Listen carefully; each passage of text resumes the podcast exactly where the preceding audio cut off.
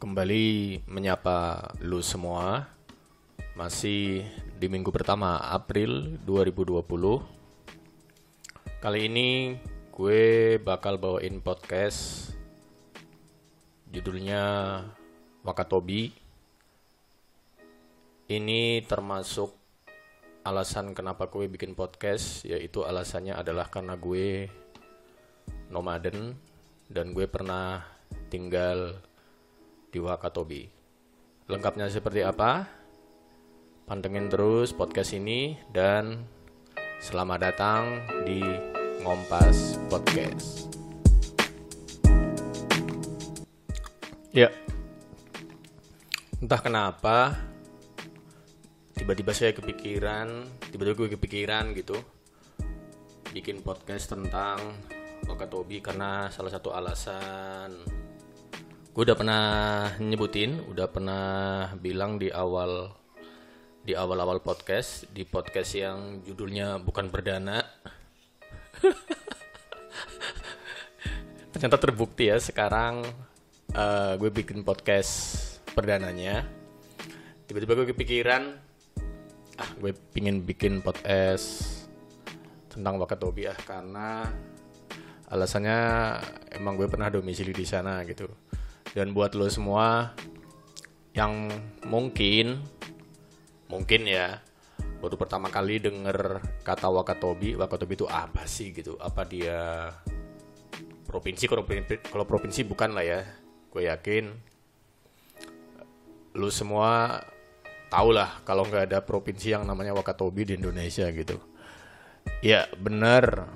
Jadi Wakatobi itu nama sebuah kabupaten yang ada di Indonesia. di, di mana lagi gitu ya. Karena gue emang belum pernah tinggal di luar negeri. Kabupaten di Indonesia di Sulawesi Tenggara. Kalau kalian pernah dengar nama Nadine Chandrawinata,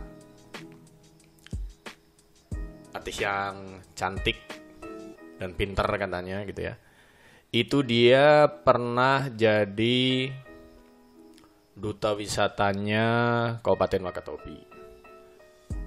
Kalau kalian masih belum tahu banyak juga tentang Wakatobi, coba deh uh, googling gitu, ketik Wakatobi di Google gitu ya. Udah Wakatobi aja gitu. Ntar yang yang yang keluar apa gitu di di Google di hasil pencarian Google-nya. Coba deh atau kalau pas sekarang kalian lagi pegang HP gitu coba aja buka googling. Wakatobi gitu kalian ketik keluarnya apa. Uh, biasanya nggak jauh-jauh dari kondisi alam terutama bawah lautnya.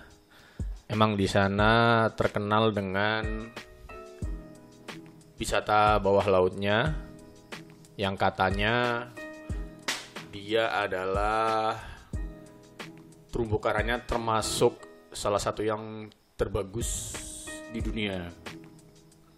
Gue nggak bilang yang nomor satu sih, gue juga nggak tahu apa dia emang nomor satu terbaik atau gimana gitu. Soalnya kalian juga udah pasti dengar kan kalau ada yang lain selain Wakatobi itu ada duluan yang lebih terkenal, ada Bunaken gitu.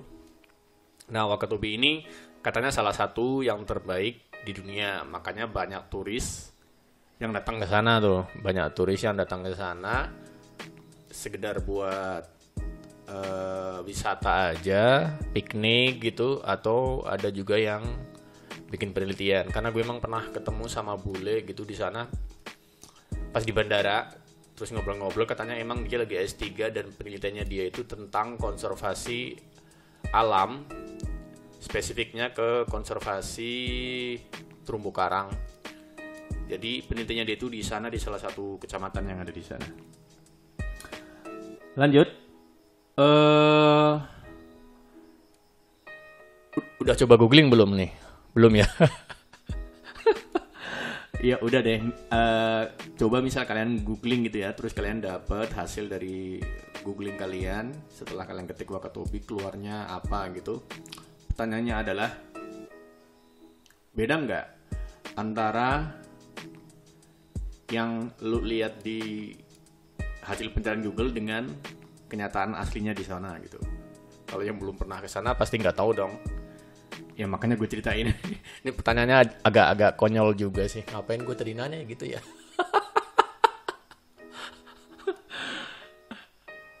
gue jawab ya. Jadi 10% doang yang sama. Hasil pencarian lu di Google, di Google sorry. Dengan kenyataan aslinya di sono kayak gimana itu ya 10% doang lah paling yang sama terus faktanya gimana gitu ya nah ini yang bakal gue bahas satu persatu lah satu persatu ya yang yang yang gue inget aja pertama Oke Tobi begitu lu lihat peta Indonesia bakal susah nyarinya. Nggak kelihatan tuh apalagi kalau petanya kecil gitu kan atau yang skalanya terlalu besar itu nggak kelihatan. Kabupaten Wakatobi itu nggak kelihatan. Dia itu kalau kalian lihat Pulau Sulawesi gitu kan huruf K gitu ya. Tuh posisinya ada di kaki yang kanan tuh. Kalau Makassar kan Sulawesi Selatan kan ada di, ada di kaki yang kiri dia kaki kanan nih kaki kanan tapi ke bawah lagi jadi kalau diterusin tuh dia bisa tembus sampai NTT ya, Flores kali ya, Flores. Jadi emang dia kepulauan, Wakatobi itu kabupaten yang dia kepulauan.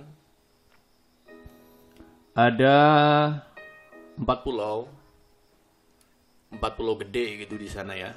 Makanya dinamain Wakatobi. Oh hubungannya gitu ya. Jadi Wakatobi itu dia akronim dari empat pulau besar, empat pulau gede yang ada di sana. Wa, wanya itu dia wangi-wangi, itu pulau pertama. Terus K-nya ada Kaledupa, itu pulau yang kedua. Tonya itu Tomia, pulau yang ketiga. Keempatnya itu Binongko. Jadi kalau kalau disingkat diambil huruf depannya aja ini jadi Waka, Tobi gitu. Wangi-wangi, Kaledupa, Tomia, Binongko gitu ya. Uh, faktor pertama tadi susah dilihat di peta, nggak bakal nemu, apalagi kalau petanya kecil atau petanya skalanya terlalu besar gitu ya. Terus Nadine udah gue sebutin tadi fakta bahwa dia emang pernah jadi semacam brand ambassador kali ya, bukan brand sih, bukan brand ambassador sih. Kalau brand ambassador kan lebih ke produk uh, barang ya, produk ya. Ini kan bisa dibilang apa ya? tourism ambassador kali ya. Pokoknya duta wisata gitulah di sana si Nadine Chandra Wisata. Terus kalau kalian pernah lihat IG ya, IG atau apa? IG atau Facebook ya. Punya si Nadine dia emang pernah tuh munculin uh, video dia lagi ada di Wakatobi gitu. Terus berikutnya nggak tahu nih, ini ini dia duta wisata atau bukan gitu ya? Si Tasha Kamila kalau pada tahu nggak sih Tasha Kamila yang dulu nyanyi lagu apa ya? Lupa gue uh, anak gembala ya? Ya lagu anak gembala lah. Sekarang itu terakhir terakhir terakhir gue lihat di YouTube-nya dia dia tuh lagi kuliah ya kuliah S2 kayak atau di mana ya di luar negeri lah pokoknya jadi si Tasha Kamila ini dia pernah kayaknya di endorse dia sama Pemdanya buat uh, ngiklanin pariwisata di sana gitu. Tasha Kamila. Eh uh, gue nggak tahu sih. Uh, gue kan di sana sekitar 2 tahun ya, nggak nyampe lah 2 tahun kurang berapa bulan, satu bulan ya, 2 tahun kurang satu bulan, satu setengah bulan gitulah, 2 tahun kurang dikit lah pokoknya. Pertama kali ke sana itu moda transportasi yang ada baru kapal laut. Dan itu kapalnya kayu. Lu bisa bayangin ngarungin laut banda. Buat yang belum tahu laut banda itu terkenal dia ombaknya ganas gitu. Naik kapal kayu lewatin laut banda yang ombaknya ganas. Waktu tempuhnya sekitar 7 jam lu bayangin. 7 jam ada di atas kapal yang ombaknya cukup gede. Itu 7 jam normal tuh 7 jam normal. Jadi kalau cuaca lagi jelek gitu bisa 9 jam 10 jam. Gue pernah tuh sampai 10 jam kali ya. Biasanya berangkat dari Kendari Kendari itu ibu kota Sultra. Biasa kapal dari Kendari itu dia berangkat jam 10 atau 11 gitulah nyampe sono sekitar itu. 7 jam lo hitung aja lah 7 jam. Kalau jam 10 berarti jam 7 malam ya? Ah 7 malam. Oh sorry bukan 7 jam. 8 eh 9 jam sekitar 9 jam jadi jam jam jam 7 malam gitulah. Pas kenceng ombak gue pernah nyampe jam 10 atau jam 11 malam gitu. Soalnya uh, uh, perjalanan dari Kendari ke Wakatobi itu ntar kapalnya bakal transit satu kali. Transit di kabupaten ya kabupaten di antara Kendari sama Wakatobi gitulah. Nama kabupatennya Buton Utara. Di situ ada kayaknya kecamatan deh. Itu namanya Wadiburi nah kalau udah udah udah selesai transit nih habis transit jalan lagi gitu tuh udah tuh ombaknya kencang tuh sampai sana sampai Wakatobi. Paling kalau sejam udah deket-deket Wakatobinya mungkin mungkin karena lautnya udah nggak terlalu dalam kali ya. Karena udah udah deket-deket sama daratan jadi ombaknya nggak terlalu kencang itu kalau udah lepas dari Wadiburi tadi tuh bisa ombaknya kencang tuh. Kalau orang yang nggak biasa naik kapal bakal mabok gue pertama kali juga. Gue pertama kali ke sana sama empat orang temen gitu ya. Satunya bos bos gue nih terus sama dua orang temen. Bos gue sudah biasa orang asli sono juga kan. Temen temen gue orang asli sono juga. Katanya katanya bos gue wah si papa pucat mukanya tuh. Gimana nggak pucat sekalinya tuh seumur umur tuh seumur umur pertama kali naik kapal. Ya ya saat itu pas pertama kali ditempatin kerjaan di sono katanya pucat udah gitu nyampe sono malam. Ya emang malam sih tadi emang berangkat jam 11 ya. Dodol. Uh, nyampe sono malam terus gue langsung shock gitu kan turun gelap tuh. Gelap. Kapal cuma ada dua berarti ya pas gue nyampe sono. Satu kapal penumpang maksudnya. Kalau kapal-kapal nelayan kecil itu sih banyak di dermaganya. Ada dua kapal kapal gue yang terakhir sandar gitu itu udah ada duluan kapal tuh. Oh iya benar satunya lagi tuh kapal dari ada namanya kota bau-bau. Jadi dia tuh ada rute juga dari Wakatobi ke Bau-Bau. Jadi kapal gue sandar sekitar jam 7 jam 8 ya. Buset. Ini apa? gelap tuh, gelap banget. Jadi lu bayangin ini ini ini pelabuhan, pelabuhan selevel kabupaten tuh gelap lampu ya ada lampu cuma nggak banyak gitu gue pikir di pelabuhan gue pikir banyak ya ada terminalnya ini nggak ada cuma dermaga doang jadi turun dari kapal udah lang langsung naik naik mobil udah nggak ada terminal tuh. Jadi kendaraan kayak motor mobil udah tuh. Datang ke situ ambil jemputan putar balik udah balik. Udah ke ke tempatnya masing-masing maksudnya. Ke tempat masing-masing sokan gue. Jam 7 jam 8 ya waktu itu sekitar itulah. Habis itu langsung dijemput tuh dijemput sama temen-temen di tempat kerjaan gue terus diajakin makan gitu kan. Diajakin makan.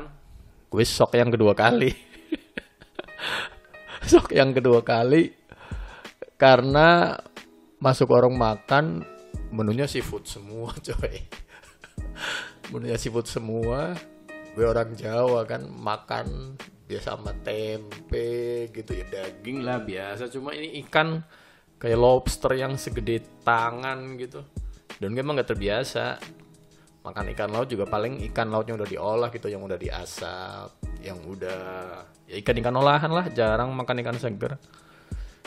Sok gue nggak bisa makan akhirnya gue pesen apa? Gue pesen. Gue pesen mie rebus deh mie rebus mie goreng ya. Pokoknya itulah. Jadi udah ketawain gue sama temen yang asli sono sama bos apaan katanya? Makan Indo Indomie ya? Eh sorry gue nyebutnya merek nih. Apaan katanya? Habis perjalanan jauh makan yang enak dong katanya. Ini ada cumi ada lobster macam-macam lah pokoknya kan. Ya, gimana bos? Nggak bisa saya bilang. Itu shock yang kedua. Habis itu kita ba kita menuju ke penginapan menuju ke penginapan karena emang gue belum punya tempat tinggal di sana kan. Cari penginapan ya udahlah. Jadi malam itu gue lewat, lewatin. Gue langsung tidur kayaknya deh. Masuk penginapan gue langsung tidur. Gue kayak shock gitu. Kayak nggak percaya. Nih. Ini apaan gitu. Aduh naik kapal tujuh jam kapal kayu coy aduh ya udah akhirnya malam itu berlalu lah Cie, maaf. Puitis juga gue ya. Malam malam itu berlalu udah sampai besok paginya kan. Eh so, sorry sorry nih bunyi bunyi WA nih. Uh, besok paginya udahlah gue nggak bisa banyak cerita sih. Ini soalnya ceritanya ag agak terlalu pribadi banget gitu ya sorry sorry. Suara motor. Biasa depan rumah. Eh uh, udahlah. Gue akhirnya terima kan terima kenyataan. Gue bakal kerja di tempat kayak gini. Ya udah. Hari pertama aja gue datang udah bikin shock tempatnya gelap. Oh iya bener dan di penginapan malamnya itu mati lampu bayangin. Mati lampu. Mati lampu hotelnya aja kayak hotel ah bukan hotel bintang ini. Dia hotel melati gitu lah. Dan itu konon katanya hotel paling bagus di situ lu bayangin. Hotel paling bagus gue mikirnya ini orang orang orang Pemda gitu ya. Kalau ada tamu dari dari provinsi gitu atau dari pusat Jakarta? Nggak tahu sih. Kalau dari Jakarta ya. Kira-kira kalau datang ke situ pada nginep di mana gitu ya? Itu hotel yang gue inopin udah yang paling bagus katanya. Dan itu sekelas hotel melati coy.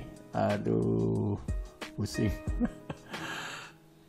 Tapi herannya gue malam itu tidur nyenyak sih karena capek kali ya. Aduh. Pagi. Bangun ya. Bangun kan? Sarapan nggak terlalu pusing. Hotel kan? Ya menu standar lah nasi goreng sama telur. Jangan bayangin di hotel bagus ya ini hotel melati coy. Nasi goreng sama telur ya teh manis udahlah. Udah berjalan lah ya. Gue terima nasib. Sebulan gue jalanin. Agak puyeng juga. Terutama soal makanan nih gue nggak nggak bisa makan seafood kan? Dan sebulan dua bulan sampai tiga bulan pertama tuh gue tiap malam makannya tuh nasi goreng nasi goreng paling ya ada sih satu kayak warung tenda gitu warung tenda. Satu-satunya tuh itu tuh satu-satunya di kabupaten Wakatobi kayaknya ya. Itu yang jualan orang Jawa Timur gue inget banget namanya Mas Joko ya kalau nggak salah. Satu-satunya tuh dia jualan menu yang bisa ma bisa masuk di lidah gue warung lain banyak cuma warung-warung asli sono gitu gue nggak bisa jadi tiga bulan makan nasi goreng terus. Bayangin. Dan kadang warungnya Mas Joko ini kadang dia ada liburnya. Nggak tiap hari dia buka. Kalau pas dia libur, terpaksa gue makan mie. ya aduh, jadi bener kayak anak kos gitulah. Makan mie terus gitu tiap hari kan. Tapi gue sambil belajar makan makanan sono jadi kayak ikan gitu kan. Dan oh ya ini cerita beneran nih jujur nih. Jujur gue baru tahu jenis-jenis ikan tuh setelah gue pernah domisili di sana ikan laut maksudnya ya. Ada yang namanya ikan kembung lah katamba lah baronang lah apalagi ya? Ikan ekor kuning lah ikan ekor putih. Di Jawa nggak tahu gue ikan-ikan kayak gitu. Dan di sana emang ikannya seger-seger. Buat lo yang pecinta seafood surga buat lo di sana. Wakatobi itu surga buat para pecinta seafood. Jadi kayak kayak apa ya? Cumi tuh murah banget di sana. Jadi lu bisa beli langsung ke pelelangan. Jam jam, jam 3 sore tuh nelayan baru pada baru pada mendarat nih habis habis mancing kan. Ya habis nyari ikan lah di laut jam 3 dia nyampe ke darat. Tuh dia kalau jual tuh nggak di nggak dikiloin gitu. Pokoknya lu beli berapa misal? Gua beli deh cumi 20 ribu ya udah. Ambil ambil aja gitu. Diambilin udah taruh di tas ya udah. Dibayar uangnya dikasih nggak pakai dikiloin gimana ya dia nelayannya kan dia nggak beli juga sih. Dia ngambil langsung dari laut ngambil punya Tuhan gitu kan. Nggak beli sama Tuhan. Dia modal tenaga kap kapal bukan kapal sih tenaga perahu sama solar. Udah dia ngambil punya Tuhan. Terus dia jual. Makanya dia nggak hitung hitungan kayaknya. Yaudah pokoknya nggak pakai dikiloin lah pokoknya udah. Lu beli berapa? Sepuluh ribu? Dia perkiraan dia aja tuh. Udah taruh 5 biji kayak 10 biji kayak. Oke.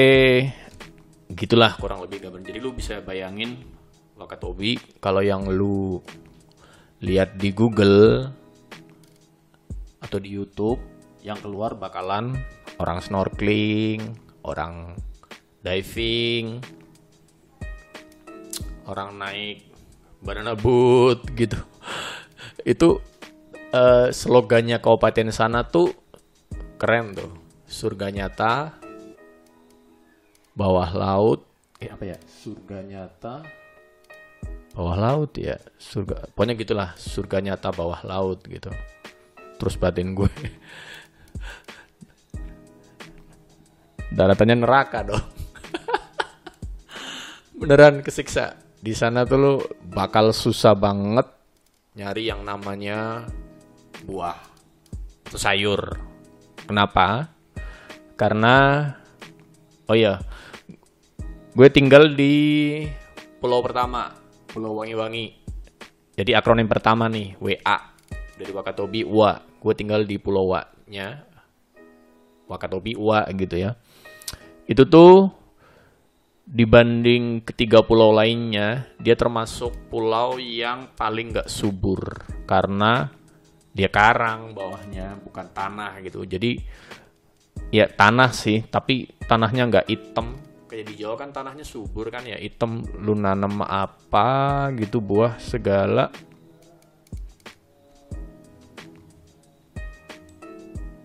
bakal berbuah tuh tanaman tapi di sana ya jadi emang bakal susah di sana tuh nyari buah gitu. Jadi buah-buahan tuh ya didatengin dari didatengin dari luar Wakatobi.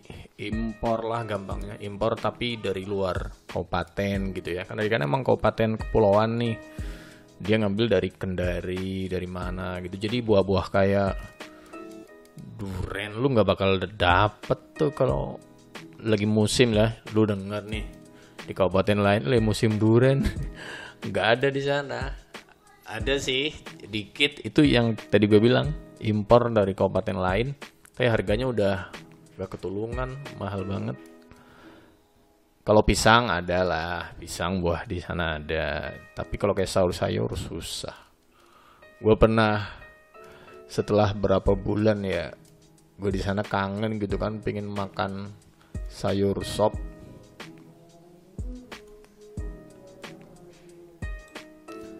Dan tahu nggak lo? Jadi saking pinginnya gue makan sayur sop karena nggak ada yang jualan gitu kan. Terus gue ke pasar tuh.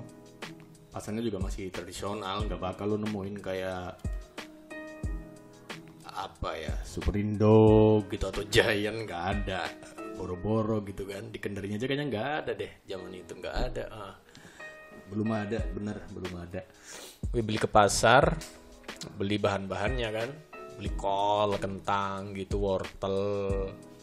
Tahu nggak berapa gue habis buat beli bahan-bahannya doang? Jadi kalau sebiji kentang berapa ya? Tiga wortel gitu. Tuh udah habisnya tujuh puluh ribu tuh zaman itu. Buat beli bahannya doang karena emang nggak ada sayur tuh di sana mahal.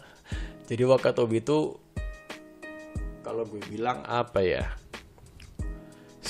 Ya nggak satu-satunya juga mungkin sih. Salah satu tempat yang harga sayuran lebih mahal dari harga daging lebih mahal dari harga ikan. Lu bayangin jadi harga sayur tuh lebih mahal di sono daripada ikan laut, daripada seafood gitu. Bandingin kalau misal lu makan di restoran seafood gitu di Jakarta gitu kan. Misal ke gue sebut satu merek gitu lah, misal The Cost gitu kan. Lu makan masuk ke dalam pesen seafood itu udah mahal banget. Di sana kebalik. Gue pingin makan sayur chop aja beli bahannya doang udah 70 ribu. Jadi lu bisa bayangin se apa ya? Sampai segitu bukan aneh sih. Sampai segitu segitu nggak lazimnya gitu kehidupan di sana. Bagi gue yang orang Jawa gitu kan. Kalau buat orang sana ya udah biasa kali kayak gitulah. Itu dari sisi makanan kan. terus apalagi ya eh Oh iya, gue kan tadi bilang kalau pernah ketemu bule di bandara gitu kan. Itu bandara tuh kan tadi gue cerita di awal gue datang pakai kapal kayu kan. Sehari tuh cuma ada satu. Seminggu tuh jadwalnya cuma ada empat kali. Gue masih inget tuh Senin, eh, Senin, Selasa, Kamis sama Sabtu. Kapal tuh adanya empat hari itu doang seminggu. Jadi kalau lo, lo mau bepergian, ya harus di hari itu. Nggak bisa di hari lain. nah terus Sekitar 2 tahun, ya nggak nyampe 2 tahun berarti. Sebelum gue pindah dari sono, tuh ada bandara diresmiin. Bandara, bayangin lu bayangin maskapainya baru ada satu. Zaman itu tuh Susi Air. Kalau kalau lu pernah denger dan udah pasti denger sih Menteri Kelautan periode kemarin Pak Jokowi, menterinya kan Bu Susi Pujiastuti tuh. Nah dia tuh yang pertama kali pesawatnya eh, beroperasi secara komersil di Wakatobi. Itu pun Susi Air tadi ya, itu pun tuh disubsidi tuh sama Pemda sononya. Jadi misal lu beli tiket 600 ribu Kendari nih 600 ribu cuma 40 eh nggak nyampe 40 menit. Ya, segitulah 40 menit kali ya. 40 menit lu bayar 600 ribu coy. Itu aslinya aslinya itu harganya lebih dari itu sekitar 900an kenapa? 300 ribunya kalau nggak salah tuh di disubsidi sama pemerintah pemerintah daerah sononya. Jadi kalau lo beli tiket 600 ribu harga aslinya tuh 900 ribu atau bahkan bisa dua kali lipatnya. Aslinya bisa satu juta dua ratus tuh. Untuk 40 menit doang. Dan itu pesawat. itu seatnya cuma 8 jadi terbangnya tuh nggak tinggi gitu. Jadi ini pesawat terbang. Lu masih bisa lihat daratan di bawahnya. Dan goyang pesawatnya. Lu bisa bayangin. Gue pernah naik full gitu kan. Full full 8 seat itu penuh. Oh ya gue kasih tahu juga itu kalau ada penerbangan di sana tuh kayak diutamain tuh orang-orang Pemda gitu kalau dia mau perjalanan dinas kali ya. Kalau mereka mau perjalanan dinas. Ya mungkin karena emang disubsidi sama dia sih makanya kayak diutamain gitu buat orang-orang Pemda kalau dia mau perjalanan dinas. Zaman itu zaman itu nggak tahu tuh sekarang.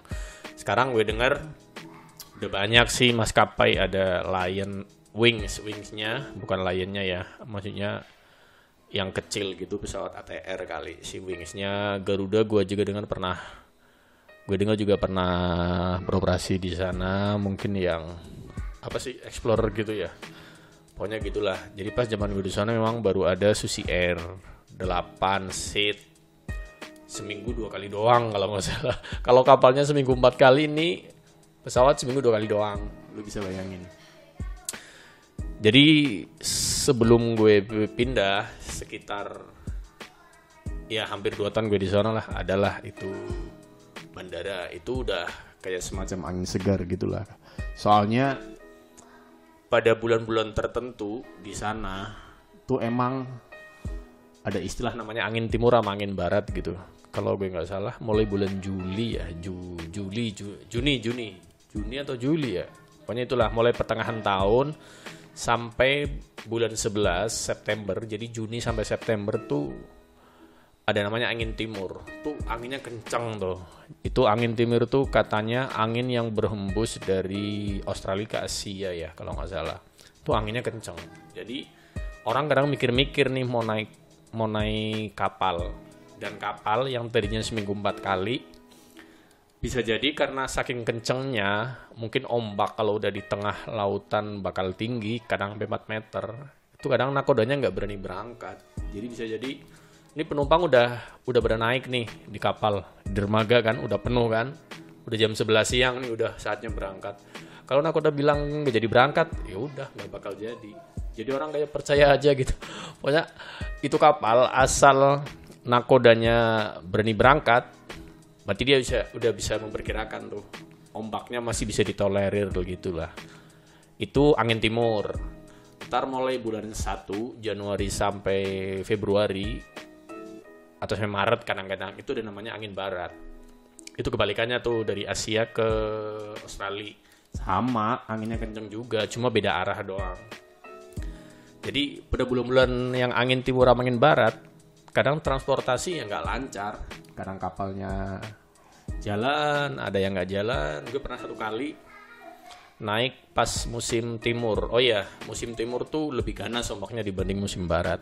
Jadi musim timur gue pernah naik dari Kendari ke Wakatobi. naik kapal. Itu satu penum eh, satu kapal penumpang di satu kapal itu semuanya mabok perjalanan. Udah gue yang udah sampai yang tidur tidur udah orang udah hoa hoa hoa hoa semua pokoknya tuh. Yang nggak mabok itu cuma ABK gue heran nih ABK ombak. Kapal udah kayak miring kanan kiri kanan kiri udah udah nggak mabok dia. Nggak mabok perjalanan udah. Udah biasa kali ya. Atau mungkin emang lahirnya di kapal. Itu moda transportasi di sana emang kayak gitu. Transportasi masuk keluar Wakatobinya emang kayak gitu. Di di dalam kabupatennya nggak ada angkot coy. Lu nggak bakal. Nemuin namanya angkot di sana nggak ada. Karena gue pernah ngelilingin pulau pulau wangi-wanginya. Tuh muterin tuh karena emang ada jalur melingkar. Jadi lu bisa bayangin hunian hunian di pulau wangi-wanginya tadi itu cuma ada di pesisir pantai. Jarang tuh yang sampai ke tengah. Jadi ada jalan yang dia ya sepanjang pinggir pantai itu. Jadi ada kayak jalan melingkar gitu. Jadi lu bisa ngelilingi satu pulau. Dan gue pernah ngelilingi satu pulau itu cuma sejam setengah doang. Lu bisa bayangin kayak apa kecilnya dan penduduknya rata-rata tinggalnya hanya di sekitar pesisir pantai. Dan gak ada angkot. Yang ada angkutan pribadi semua nggak ada. Orang mau nggak mau harus punya kendaraan. Kalau nggak punya ya lu mau apa? Oh taksi taksi sorry. Taksi ada satu. Oh itu pas udah ada bandara. Itu udah ada taksinya tuh. Udah taksi itu pun rute ya rute-rute jauh. Kalau dari ibu kota kabupaten ke bandara ya sekitar satu jam gitulah. Tapi kalau dalam kota orang males pakai taksi kan. Orang jalan juga masih bisa soalnya. Orang masih bisa jalan. Bisa bayangin.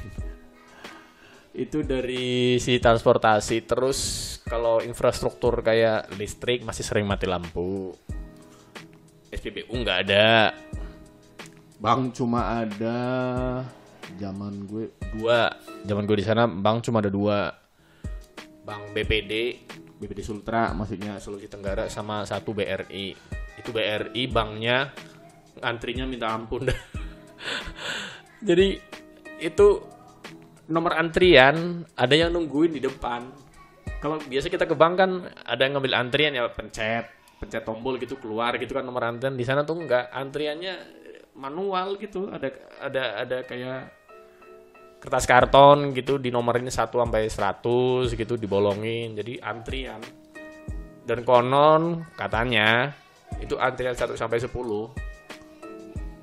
itu gak bakal dikeluarin. Itu kayak dijual gitu. Tapi itu oknum kayaknya sih oknum oknum. Kayaknya bukan orang BRI-nya oknum. Oknum yang khusus ngelayanin antriannya gayanya jadi gue pernah penasaran nih gue udah datang pagi-pagi gitu kan udah setengah delapan.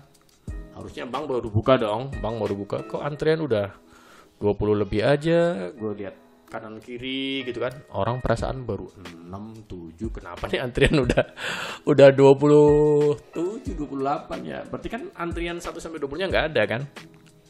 Ya lu bayangin kabupaten kecil gitu yang nggak ada yang orang nggak orang nggak berani juga mau mau komplain gitu kan. Lagi ada bank aja syukur kan. Ya udahlah gua gua rela antri gitu nggak apa-apa lah. Kasarnya kan kayak gitu ATM cuma ada dua. ATM ada dua lu bayangin. Instrukturnya kayak gitu nggak tahu sekarang. Sekarang seharusnya sih udah lebih seharusnya udah lebih bagus. Karena pas gue datang ke sana tuh Wakatobi itu dia kabupaten baru, dia kabupaten baru, mekar dari kabupaten induknya. Kabupaten induknya itu namanya Kabupaten Buton. Kalau pas SD pernah belajar kabupaten eh tempat mana yang dia penghasil aspal terbesar di Indonesia pernah dengar Buton kan nah itu di situ itu Wakatobi itu pecahannya Buton jadi dia mekar mekar dari Kabupaten Buton karena ya mungkin karena dia tempatnya terisolasi gitu jauh dari induknya kan. Buton kan daratan Wakatobi itu pulau. Jadi mungkin dia mikirnya ya udahlah gue mekar aja membangun sendiri gitu kan. Karena emang ketinggalan ya. Kalau dia tetap gabung sama Buton mungkin masih ketinggalan. Nggak bakal dilirik gitu istilahnya lah. Pembangunan nggak bakal ngarah ke situ gitu. Eh itu jadi infrastruktur. Eh gue tadi saya mana ya cerita ya oh ya bank ya bank bank bank emang cuma ada dua gitu ya. Eh apalagi ya? Wakatobi yang gue inget itu sih. Oh iya ada nih ada banyak. Ntar gue bakal bikin part part. Ini gue ya gue anggap ini part satu lah part satu gitu kan. Ntar gue bakal bikin part 2 atau bisa jadi sampai part 3 part 4 gitu. Karena emang banyak emang banyak banget yang bisa diceritain dari Wakatobi ntar gue juga bakal bikin tapi ini ceritanya panjang sih ceritanya panjang ntar gue bikin part sendiri aja tuh di sana tuh ada namanya pulau kecil gitu tapi ada penduduknya ada namanya Pulau Runduma. Ntar gue bakal bikin part sendiri podcast khusus bahas Runduma karena menurut gue ini unik banget. Uniknya seperti apa? Ntar bakal gue pokoknya lu lu pantengin aja lah ini podcast ini. Ntar gue bakal bikin sesi khusus eh buat Runduma Oh iya, ini Wakatobi tadi gue bilang kan kabupaten baru. Pas gue di sana itu usianya ulang tahun ketiga ya. Baru tiga tahun coy, lu bayangin. kabupaten baru Mekar, usianya baru tiga tahun. Tahun pertama gue di sana itu ada acara tuh ulang tahun kabupaten ketiga. Berarti kan dia baru tiga tahun ya, baru tiga tahun. Infrastruktur seperti itu ya wajar lah. Tapi setahun kemudian di tahun keempat tuh udah bisa punya bandara. Tapi gue bilang bagus sih gue acungin jempol karena emang kalau nggak punya bandara bakal terisolir terus dia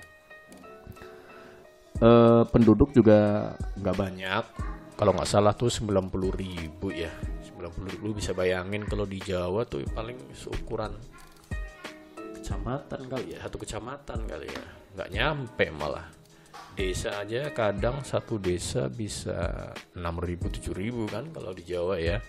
segitulah sekitar sekitar satu kecamatan. Oh iya satu se- sebelum gue tutup podcast ini mungkin juga selain Runduma tadi yang bakal gue bikin part sendiri. Di sana tuh ada juga suku Bajo. Mungkin lu baru pertama kali ini denger tapi lu bisa nyari di YouTube. Kalau nggak salah ada filmnya juga.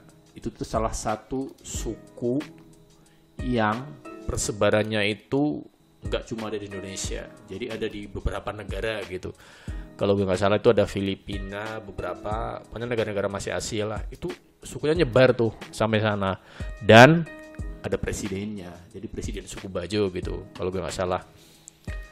Yang gue tahu pas gue tinggal di Wakatobi itu saat itu presiden suku Bajonya adalah orang Wakatobi. Dan mereka punya kampung sendiri gitu tinggal di atas laut. Jadi mereka tuh benar-benar benar-benar rumahnya tuh di atas laut. Jadi laut dia bikin bikin kayak pondasi tapi dari kayu atau atau semen gitu. Jadi nangkring tuh rumahnya di atas. Jadi dia keluar ya udah langsung laut. Tapi ada jalan antar di depan rumah tuh dibikin jalan gitu yang menghubungkan antar antar kelompok rumah gitulah. Eh, itu aja dulu sih eh podcast gue kali ini tentang Wakatobi.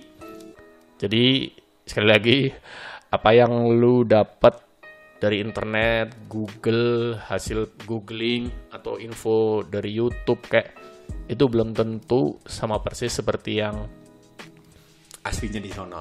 Oh ya gue baru ingat. Jadi motonya Wakatobi itu surga nyata bawah laut di pusat segitiga karang dunia. Bayangin. Karena katanya eh, karang yang paling bagus tuh ada di situ karena dia tempat pertemuan beberapa karang gitu di Indonesia. Oke, sekian dulu gue Fafa. Selamat malam.